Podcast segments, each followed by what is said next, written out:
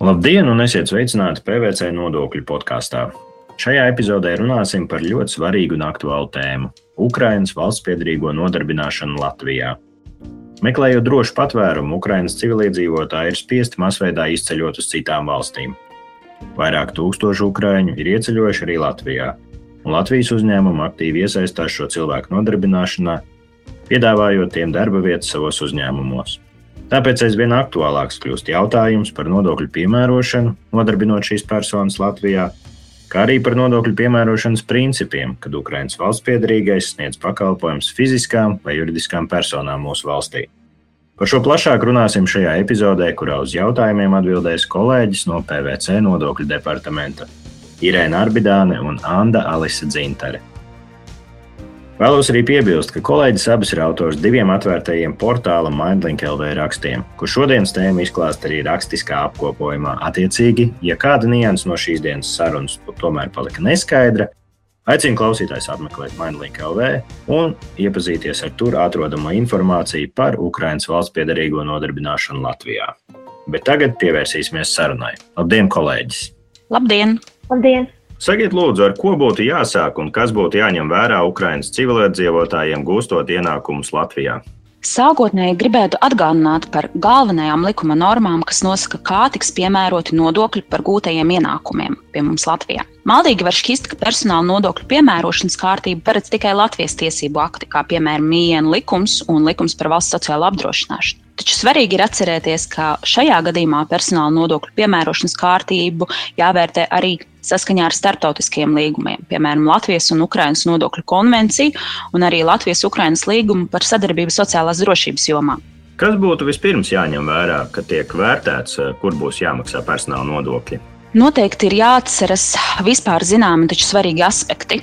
Pirmkārt, personas nodokļu rezidence, otrkārt, uzturēšanās ilgums valstī, tad Latvijā, un darba attiecību vai jebkuru attiecību juridiskais noformējums. Vai tas ir pastāvīgais darba līgums, vai tas ir uzņēmuma līgums, vai kāda cita veida sadarbība.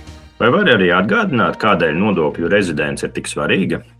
Nodokļu rezidence ir svarīga iedzīvotāju ienākumu nodokļu piemērošanai. Saskaņā ar vispārējo praksi, uzturoties Latvijā, ja persona neusturas vairāk kā 183 dienas, to uzskata par nerezidentu. Nerezidenta apliekamie ienākumi attiecīgi būs tikai atsevišķi ienākumi, ko nosaka IN likuma 3. panta 3. daļa. Ja šajā sarakstā ienākumi nav iekļauti, tad iedzīvotāja ienākuma nodoklis Latvijā nebūs jāmaksā. Tāpat te nāks arī palīdzīgā nodokļu konvencija, lai noteiktu, vai un kādā veidā Latvijā ienākums ir vai nav apliekams. Attiecīgi, pavadot Latvijā 184 dienas un vairāk, persona kļūs par Latvijas nodokļu rezidentu rezidenta status jāizvērtē uh, saskaņā gan ar Latvijas nacionālajiem normatīviem aktiem, gan arī ar konvenciju. Saskaņā ar šo konvencijas tieši 4. pantu. Kad rezidents status būs noteikts, un persona kļūs par Latvijas nodokļu rezidentu, Latvijai būs tiesības uz visiem šīs personas ienākumiem, un attiecīgi būs iespēja tiem piemērot nodokli. Tātad, attiecīgi, ja skatāmies šo konkrēto situāciju, Latvijas nodokļu aprēķināšanas vajadzībām vispārējā gadījumā bēglis, kas no Ukrainas ieceļojas Latvijā, būs nerezidents, un šo statusu saglabās, ja uzturēšanās Latvijā nepārsniegs 183 dienas jebkurā 12 mēnešu periodā. Un, attiecīgi, ja šī persona kļūs par nodokļu rezidentu, viņš maksās iedzīvotāju ienākumu nodokli no visa ienākumiem, kas ir gūti. Ja viņš nekļūs, tikai par tiem, ko viņš ir saņēmis Latvijā. Šis status ietekmēs arī nodokļu aprēķināšanu Latvijā un arī algas nodokļu grāmatiņas saņemšanas iespēju. Ja esam noskaidrojuši personas rezidents statusu, kas tālāk no nodokļu viedokļa būtu svarīgi? Svarīgi būtu noteikt to, kādas attiecības pastāv starp fizisko personu, šo darba veicēju un darba pieprasītāju vai pakalpojumu saņēmēju. Tas tieši ietekmēs nodokļu piemērošanu. Piemēram, ja pastāv darba attiecības, tātad noslēgts ir darba līgums, tad nodokļu piemērošana būs atšķirīga no tā, kad tiek sniegts pakalpojums fiziskai vai juridiskai personai. Ja pastāv darba attiecības starp Latvijas uzņēmumu un Ukrainas valsts piedarīgo, neatkarīgi no darbinieka nodokļu rezidences, Latvijas uzņēmums aprēķinās nodokļus no darbinieka algas vispārējā kārtībā, ieturot iedzīvotāju ienākumu nodokli un valsts sociālās apdrošināšanas iemaksas, kā arī reģistrējot darbinieku kā darba ņēmēju.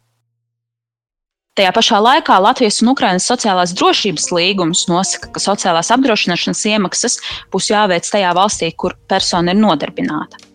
Un šīs pašas līguma 16. pāns nosaka, ka šis apdrošināšanas periods, kas būs personai Latvijā, tiks summēts, lai noteiktu personas vecuma pensiju. Un, attiecīgi, izpildoties noteiktiem kritērijiem par Latvijā veiktām sociālās apdrošināšanas iemaksām, personai būs iespēja arī saņemt vecuma pensiju, kas tiks aprēķināta saskaņā ar Latvijas likumiem. Tad, attiecīgi, persona no Ukrainas, kas strādās Latvijā un maksās šeit sociālās iemaksas, varēs šīs iemaksas izmantot arī turpmāk, lai saņemtu šīs sociālos pakalpojumus. Arī nodokļu konvencija būs aktuāla, jo Ukrainas valsts piederīgie turpina strādāt no Latvijas Ukrainas darba devēja labā. Attiecīgi, konvencija paredz, ka Ukrainas rezidentu algotā darba ienākums ārvalstīs līdz 183 dienām nav arī ienākums apliekams. Darbs tiek veikts Ukrainas uzņēmuma labā. Ja persona veiks 184 dienas šo darbu vai ilgāk, radīsies tomēr ienākums samaksas pienākums. Tad, attiecīgi, skatāmies uz šo piemēru, tad aptuveni pusgadu Ukraiņas valsts piedarīgie var strādāt sava Ukraiņas vai citas valsts darba devēja labā Latvijā un nemaksāt iedzīvotāju ienākumu nodokli. Tomēr, ja ir zināms, ka šis periods tiks pārsniegts, viņi sagaida to, tad attiecīgi iedzīvotāju ienākumu nodokļu samaksa būs jāveic. Savukārt Latvijas-Ukrainas līgums par sadarbību sociālās drošības jomā paredz, ka sociālās iemaksas uz algotā darba strādājošām personām attiecina tās valsts tiesības aktus, kuras teritorijā viņa veids darbu, ja vien uzņēmums nav nosūtījis personu darbam uz Latviju. Kara situācija, force majeure apstākļi var tikt interpretēti par nosūtījumu. Ne Finanšu ministrija, ne valstīm dienas nav izteikušies. Tomēr mūsuprāt, pastāv tāda iespēja, ka ir jāizmanto šis pāns, lai noteiktu, ka sociālās iemaksas par šādas personas algotā darba ienākumiem tomēr ir jāveic Ukrajinā, nevis Latvijā. Taču šis jautājums ir diezgan tāds neskaidrs, tādēļ, ja būtu šāda situācija, noteikti būtu jāsazinās ar valstīm dienestu un jānoskaidro precīzi.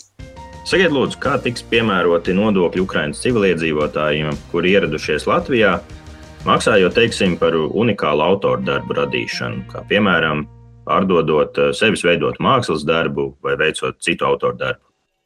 Vispārīgā gadījumā, ja Latvijas uzņēmums maksā Ukraiņas valsts piedarīgajiem par intelektuālo īpašumu, un šī persona tiek uzskatīta par Latvijas valsts nodokļu nerezidentu, piemēram, maksājot autora atlīdzību par darba radīšanu, tad šī ienākuma izmaksātājs izmaksas brīdī ieturēs 23% iedzīvotāju ienākumu nodokli, pirms ieturēšanas piemērojot nosacītos izdevumus. Kā būs ar nodokļu piemērošanas principiem, kad Ukraiņas valsts piedarīgais sniedz pakalpojumus fiziskām vai juridiskām personām Latvijā? Ukraiņas civilizētāju atbalsta likums nenosaka atvieglotu kārtību Ukraiņas valsts piedarīgo Latvijā gūto ienākumu aplikšanai ar nodokli. Tātad, izvērtējot nodokļu saistības, jāņem vērā Latvijas un starptautisko tiesību aktu normas, kā piemēram nodokļu konvencijas normas. Saskaņā ar iedzīvotāju ienākumu nodokļu likuma 3. pānta 3. daļas 2. punktu gūtais saimnieciskās darbības ienākums par profesionālo darbu, kas veikts Latvijā vai Latvijas rezidenta labā, ir apliekams ar iedzīvotāju ienākumu nodokli Latvijā. Latvijas-Ukrainas nodokļu konvencija paredz izņēmumu šīs normas piemērošanā, ja Ukrainas valsts piedarīgais ir reģistrējis savu saimniecisko darbību Ukrainā, un tam ir dokumentārs apliecinājums, ko var iesniegt ienākumu izmaksātājiem Latvijā kopā ar Ukraiņas rezidents certifikātu. Šis izņēmums darbojas tikai tad, ja persona Latvijā nepavada vairāk kā 183 dienas, jebkurā 12 mēnešu periodā. Alis, saki, lūdzu, kā tiks vērtēta no nodokļu piemērošanas perspektīvas šī situācija, ja minētās normas neizpildās un nodokļu konvencijas izņēmums nav piemērojams? Ja minētais neizpildās, tad Ukraiņas valsts piedarīgais sniedzot pakalpojumus, reģistrējas sabiedriskās darbības veicēja statusā un radīsies pienākums maksāt iedzīvotāju ienākumu nodokli un valsts sociālās apdrošināšanas obligātās iemaksas. Kārtībā, kādu paredz konkrētā reģistrācija. Piemēram, mikro uzņēmuma nodokļu maksātājs vai saimnieciskās darbības veicēja kārtībā. Ja pakalpojums tiek sniegts juridiskām personām, var izvēlēties nereģistrēt saimniecisko darbību. Tādā gadījumā Latvijas uzņēmumam ir pienākums samaksāt iedzīvotāju ienākumu nodokli un valsts sociālās apdrošināšanas obligātās iemaksas pilnā apmērā. Tomēr, ja Ukraiņas valsts piedarīgais ir reģistrējies kā saimnieciskās darbības veicējs, tad Latvijas uzņēmums, izmaksājot ienākumu par pakalpojumu sniegšanu un preču ražošanu, neieturēs ne iedzīvotāju ienākumu nodokli, ne valsts sociālās apdrošināšanas obligātās iemaksas. Šos nodokļus maksās pati fiziskā persona.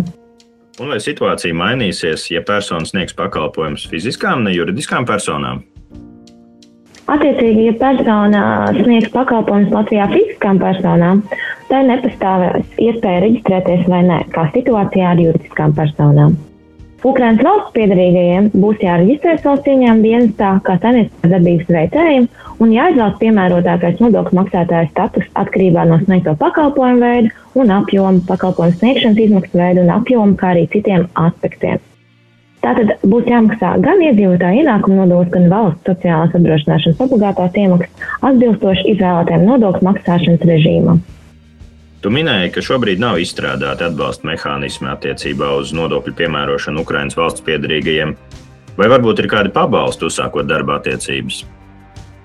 Šobrīd Ukraiņas valsts piedarīgajiem ir pieejams nodarbinātības uzsākšanas pabalsts. Šā gada 5. martā stājās spēkā Ukraiņas civiliedzīvotāju atbalsta likums. Tas nosaka uzsākot darbā tiesiskās attiecības Ukraiņas civiliedzīvotājiem ir tiesības saņemt vienreizēju nodarbinātības uzsākšanas pabalstu vienas minimālās mēneša darba algas apmērā, kura netiks aplikta ne ar iedzīvotāju ienākumu nodokli, ne ar valsts sociālās apdrošināšanas obligātajām iemaksām. Lai saņemtu šo pabalstu, nodarbinātajiem jāiesniedz pieteikums Nodarbinātības valsts aģentūrā vienu mēnešu laikā no darba tiesisko attiecību uzsākšanas dienas. Vai ir vēl kādi būtiski nodokļu piemērošanas aspekti, kas mūsu klausītājiem būtu jāpatur prātā un jāatcerās runājot par Ukraiņas valsts piedrīgo nodarbināšanu? Vērtējot katru minēto situāciju, joprojām pastāv neskaidrības.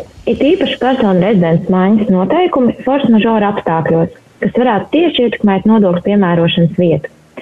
Šobrīd pasaulē apstākļi ir ļoti mainīgi. Tādēļ ir grūti noteikt tādus papildus faktorus, kā rezidents status, ko ietekmē vitālo interešu centrs vai pastāvīgās bāzes vieta, kas katram Ukraiņas civiliedzīvotājam varētu būt atšķirīga.